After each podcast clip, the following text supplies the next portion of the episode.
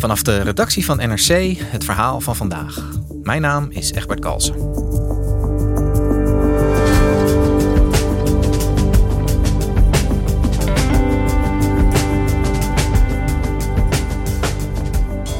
Vandaag begint in Brussel een grote top over de mogelijke toetreding van Oekraïne tot de Europese Unie. Na maanden morren liet Nederland vorige week weten akkoord te gaan met Oekraïne als kandidaatlidstaat. Maar daarmee zijn nog lang niet alle geopolitieke vragen opgelost. Europa-correspondent Clara van der Wiel legt uit wat er op het spel staat. Voor Oekraïne, maar ook voor Europa.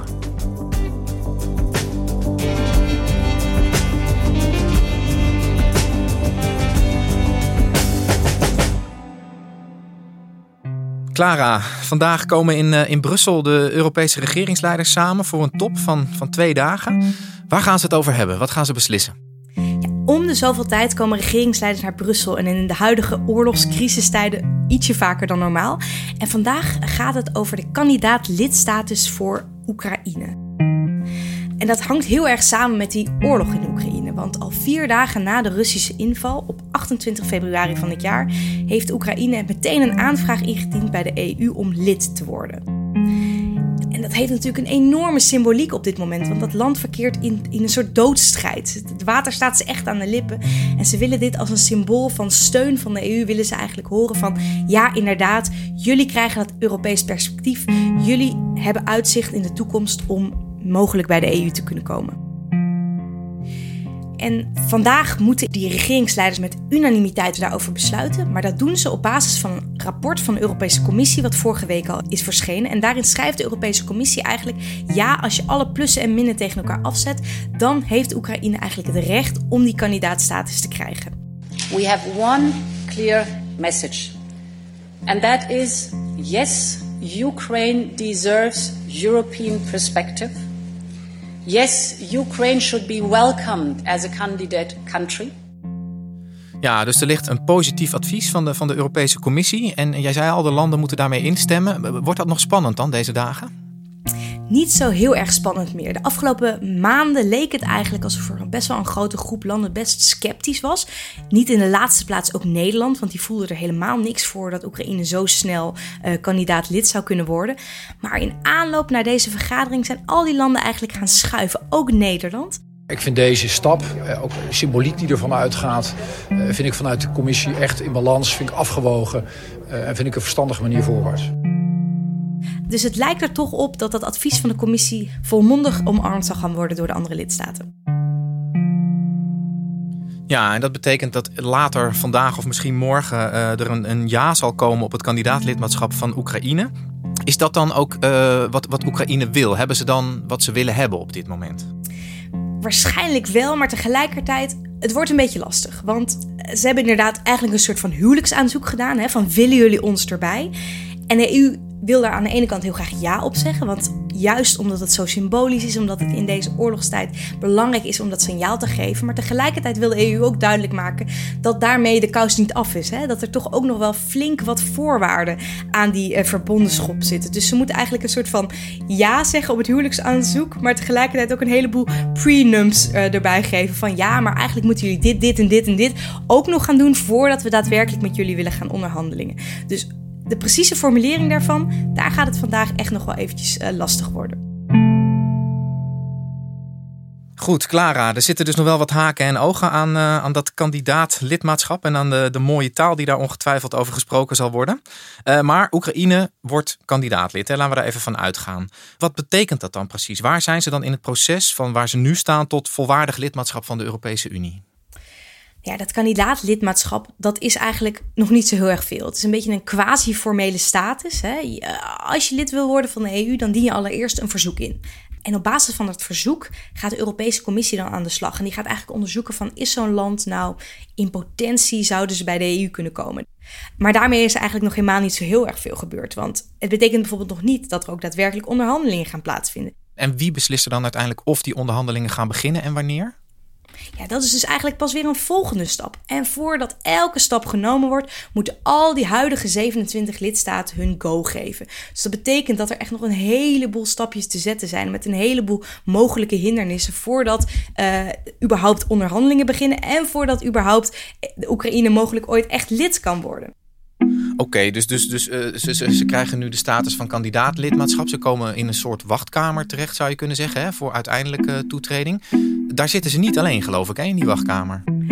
Nee, er zit al een hele bubs andere landen in. Albanië, Noord-Macedonië, Montenegro, Servië, Turkije. En sommige van die landen zitten daar echt ook al enorm lang in. En dat maakt dit, uh, ja, dit versnelde proces voor Oekraïne en waarschijnlijk ook voor Moldavië best wel een beetje ongemakkelijk voor die landen. Want die landen zijn soms al tien jaar aan het wachten in die wachtkamer. En die hebben toch zoiets van, ja hallo, als de politieke wil er is, dan kan er kennelijk best wel een beetje vaart gemaakt worden. En, en waarom zitten die landen dan zo lang in de wachtkamer? dat heeft eigenlijk een beetje te maken met het feit dat de afgelopen 10, 15 jaar uh, uitbreiding in de EU heel erg ongemakkelijk lag. En er eigenlijk uh, het sentiment rondom die uitbreiding van de EU heel erg verschoven is. En uh, het laatste land wat is toegetreden tot de EU is Kroatië. Dat gebeurde in 2013, dus dat is al bijna tien jaar geleden. En sindsdien is er eigenlijk in de EU nauwelijks meer animo geweest om verder te gaan uitbreiden. En eh, de vorige voorzitter van de Europese Commissie, Jean-Claude Juncker, die sprak in dat verband in 2015 ook van een enlargement fatigue. We have to know that in the old Europe, in the western part of Europe, but not only in the western part, there is a kind of enlargement uh, fatigue. Dus een moeheid. En die enlargement fatigue die had er eigenlijk mee te maken dat in de jaren voorafgaand aan die toetreding van, uh, van Kroatië in één klap een heleboel landen erbij waren gekomen. In 2004 waren dat uh, in één keer maar liefst tien landen. Daarna in uh, eh, 2007 zijn Roemenië en Bulgarije er ook nog bijgekomen. Daarna dus Kroatië. Dus dat heeft enorm veel landen bij de EU gebracht. En dat heeft weer een nieuwe vorm van euroskepsis in gang gezet. Ook in een land als Nederland. Hè? ik bedoel dat die landen erbij kwamen, dat heeft bijvoorbeeld geleid tot, uh, tot meer arbeidsmigratie, uh, tot een race to the bottom, tot bijvoorbeeld ook Nederlandse bedrijfjes die zichzelf uh, ja, heruitvonden in Polen en daarmee veel goedkoper dezelfde arbeiders in dienst konden nemen. Um, nou ja, dat zijn allerlei aspecten van die uitbreiding die in Nederland heel veel kwaad bloed hebben gezet. Ja, dus, dus na een periode van hele snelle uitbreiding is het eigenlijk al een hele tijd stil geworden. Een beetje uit angst voor, voor euroskepsis bij de eigen bevolking, als ik jou goed begrijp. En, en sindsdien is het dus eigenlijk besloten van, nou ja, dan, dan zitten al die landen maar in die wachtkamer, maar dan doen we er even niks mee. Ja, en dat is eigenlijk best wel een beetje lullig voor die landen. Want die kunnen er ook niks aan doen dat in heel veel andere EU-landen opeens een soort van pas op de plaats gemaakt worden. Ik bedoel, uh, Macedonië is al EU-kandidaat, dus formeel, sinds 2005. En, en Montenegro al sinds 2010. Dus dat, dat is enorm al lang. En er wordt ook, ja, als je SEC bekijkt, wordt er ook nauwelijks echt actief met die landen gesproken over wat ze dan nog precies moeten doen om erbij te komen. Dus, dus eigenlijk het is grappig dat je dat zegt, want ik dacht altijd dat zeg maar, de EU ook gewoon heel erg gebaseerd was op regels. En als je daaraan voldoet, dat je dan eigenlijk automatisch kwalificeerde om van kandidaat uh, lid te worden. Maar dat is dus niet zo, als ik jou goed begrijp. Nou, en daar druk je echt op een gevoelige plek, Egbert. Want dat zegt de EU natuurlijk steeds. Hè, van ja, jullie kunnen er nog niet bij, want er zijn allerlei regels en procedures. En zodra je dat doet, hè, jullie hebben het zelf in de hand. Zodra je ergens aan voldoet, dan kom je er wel. Maar dat is natuurlijk in de praktijk niet zo. En dat toont dit uh, hele proces van Oekraïne en Moldavië en Georgië ook. Hè. Zodra de politieke wil er echt is, dan kan er best wel uh, vaart gemaakt worden. Uh, dus Brussel en de andere EU-lidstaten benadrukken steeds: het is een technisch proces, jullie hebben het zelf in de hand. Maar nu, dit toont toch wel weer dat het in de kern natuurlijk een enorm politiek proces is. En maakt de Unie zich daarmee niet heel kwetsbaar voor, voor critici? Dus dat je niet meer zeg maar, volgens de regels het speelt, maar gewoon puur politiek? Ja, zeker. En dat is ook een van de redenen waarom sommige lidstaten die de afgelopen weken, maanden best sceptisch waren over deze hele versnelde eh, gang van zaken, waaronder ook Nederland, vonden van ja, moeten we dit nu wel doen? Want je maakt het weer heel erg politiek. Tegelijkertijd, het is, voor een, eh, het is op een bepaalde manier misschien ook wel het eerlijke verhaal. Hè? Het was altijd al politiek uh, en nu wordt dat echt uh, duidelijk. Ja, het is dus duidelijk dat het misschien voor een deel een technische discussie is, maar vooral een politieke uh, beslissing aan het worden is, dat, dat hele kandidaatlidmaatschap. En, en Nederland, jij zei het al, is, is ja, eigenlijk heel lang ook tegen uh, de toetreding van Oekraïne geweest. Uh, wat was daar de reden voor? Officieel benadrukte Nederland de afgelopen tijd toch dat er heel erg aan die regels en die procedures moet worden vastgehouden. Van ja, als we nu opeens dit heel erg snel gaan doen, wat betekent dat dan voor die hele procedure? Moeten we die dan niet ook op de schop nemen? Wat betekent dat voor andere landen die in de wachtkamer zitten?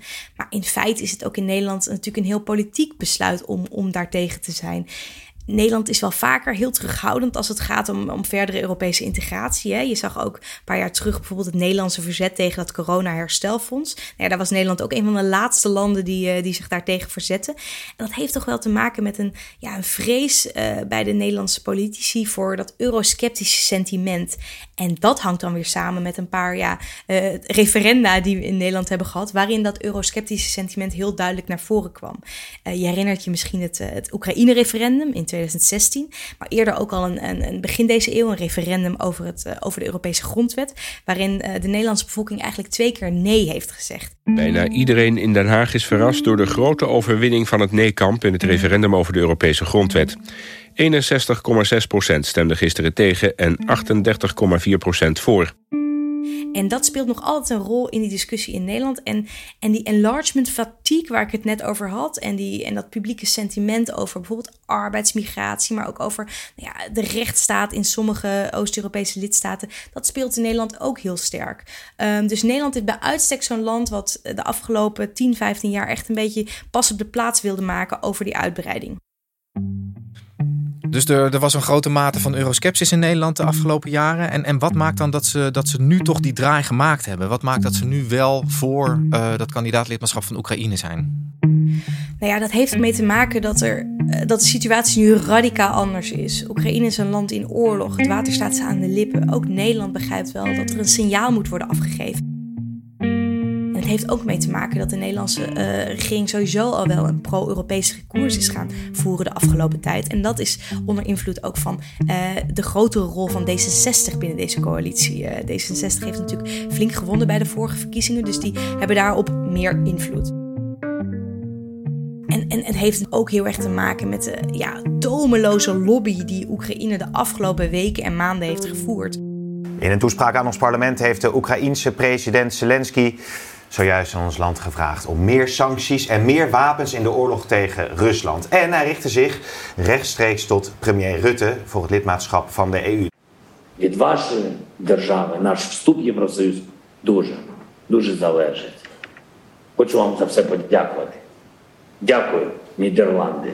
Слава Україні! En het heeft er ook mee te maken dat uh, vorige week eigenlijk landen die op het oog ook nog wel een beetje aarzelden over die kandidaatlidstatus, bijvoorbeeld grote landen Duitsland en Frankrijk, vorige week toch omgingen. Nou ja, als die grote landen om zijn, dan heeft het voor Nederland ook echt niet zoveel zin meer om je kont tegen de krip te gooien.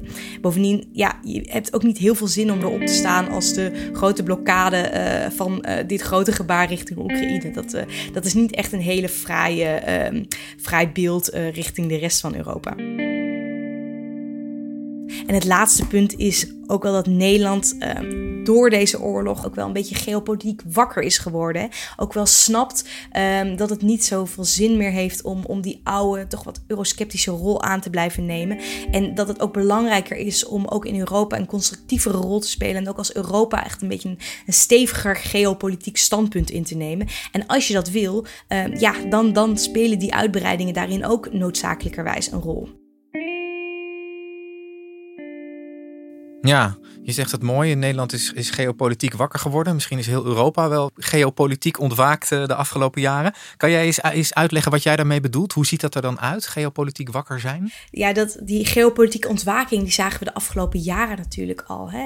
Het was in, bijvoorbeeld in reactie op de, op de verkiezing van, van Donald Trump in de Verenigde Staten. Dat, dat deed Europa eigenlijk realiseren dat dat niet meer een vanzelfsprekende partner was daar in, aan de overkant van de oceaan. Maar het heeft ook te maken met een veel vijandige verhouding tot China. Dat, dat heel, een hele agressieve uh, concurrentiepositie ten opzichte van, uh, van Europa inneemt.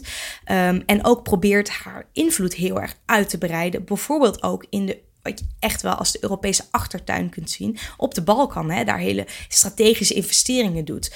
Uh, Ja, en het heeft natuurlijk te maken met Rusland, dat de afgelopen jaren al een steeds vijandigere grootmacht werd, maar inmiddels natuurlijk gewoon echt een, een, een ronduit een vijand is van, van Europa. Dus eh, die uitbreiding wordt in de EU eigenlijk traditioneel ook al wel gezien als een geopolitiek instrument, eigenlijk om landen in de cirkel om ons heen te vriend te houden, bij de les te houden, in onze eigen invloedssfeer te houden. Dus als je jezelf als een geopolitieke speler ziet, als een speler die wil kunnen meedraaien op dat wereldtoneel met andere grootmachten, dan moet je die uitbreiding daar ook voor inzetten, zeggen ook wel mensen in, in Brussel. Ja, dus dat is de rol van Europa zeg maar, in de wereld. Hè? Het, het versterken van je eigen positie als machtsblok ten opzichte van, uh, van de grote boze buitenwereld, zou ik dan maar even zeggen. Uh, uh, hoe zit dat dan binnen de EU? Is dat, heeft dat consequenties voor het functioneren van het blok als zodanig? Ja, enorme consequenties, Egbert. Want we zijn nu op dit moment met 27 lidstaten. Ooit waren het er 28. Er is eentje weggegaan. Maar goed, stel nou al die landen die ik net opnoemde, die komen erbij. Nou, dan zitten we op een gegeven moment echt ver boven de 30 lidstaten. Ja, dat heeft natuurlijk enorme consequenties voor het functioneren van de EU. Want het is op dit moment al helemaal niet makkelijk om die EU uh, soepeltjes te laten draaien. Dat zagen we de afgelopen weken bijvoorbeeld bij het uh, ja, afhameren van die sanctiepakketten tegen Rusland. Dat één land, Hongarije, de hele tijd dwars lag. En daarmee die hele, uh, hele sanctiepakketten werden opgehouden. Ja, dat, dat soort veto's, daar moeten we eigenlijk van af, zeggen, zeggen analisten in Brussel wel. Van, je kunt niet de EU uitbreiden voordat je afkomt van die veto's. Want het wordt gewoon onwerkbaar als je straks met meer dan 30 lidstaten zit. En iedereen kan het blijven blokkeren. Het betekent ook dat het zwaartepunt van de EU veel meer richting het oosten verschuift. Hè? Oekraïne zou de vijfde lidstaat worden van de EU wat betreft inwoners. Dus dat is echt, ja, dat zou dan ook een heel machtig en, en groot EU-land worden. Wat betekent dat nou voor de EU? Dat zou ook voor landen als bijvoorbeeld Nederland, maar ook Duitsland, Frankrijk best wel confronterend zijn. Want dat betekent noodzakelijkerwijs ook dat je eigen invloed uh, uh, minder wordt. Het betekent ook dat er uh, grote sommen geld toch van West-Europa ook naar Oost-Europa zullen moeten gaan. Iets wat je nu al ziet bijvoorbeeld richting Zuid-Europa. Ik bedoel, er zijn allerlei verschillende fondsen om allerlei landen die toch wat achtergesteld zijn, goed mee te kunnen laten draaien op die interne markt. Ja, dat betekent toch ook dat er veel meer geld beschikbaar zal moeten komen om die nog veel armere landen die er mogelijk bij komen, ook uh, goed in die interne markt te integreren. Dus het leidt tot allerlei echt hele fundamentele vragen over wat de EU is en wat ze zou willen zijn. Het zijn nogal wat consequenties van het, van het huwelijksaanzoek dat Oekraïne ons heeft gedaan. Ja, zeker. Maar ik bedoel, die, die oorlog in de Oekraïne die leidt tot echt enorm veel soul-searching eigenlijk in de EU. Hè? Want hadden we ons militair beter moeten voorbereiden? Waarom zijn we zo uh, afhankelijk van het Russische gas? Hadden we daar niet eerder moet naar, naar, moeten kijken? Maar het leidt dus ook hier tot soul-searching. Van, zijn wij bereid om de consequenties van deze uh, oorlog te aanvaarden? Namelijk dat we onze invloed moeten uitbreiden richting het oosten, richting landen als Oekraïne en Moldavië.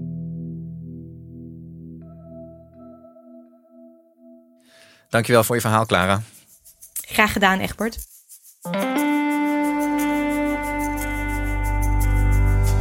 Je luisterde naar vandaag, een podcast van NRC. Eén verhaal, elke dag. Deze aflevering werd gemaakt door Mandula van den Berg en Ruben Pest. Dit was vandaag, morgen weer.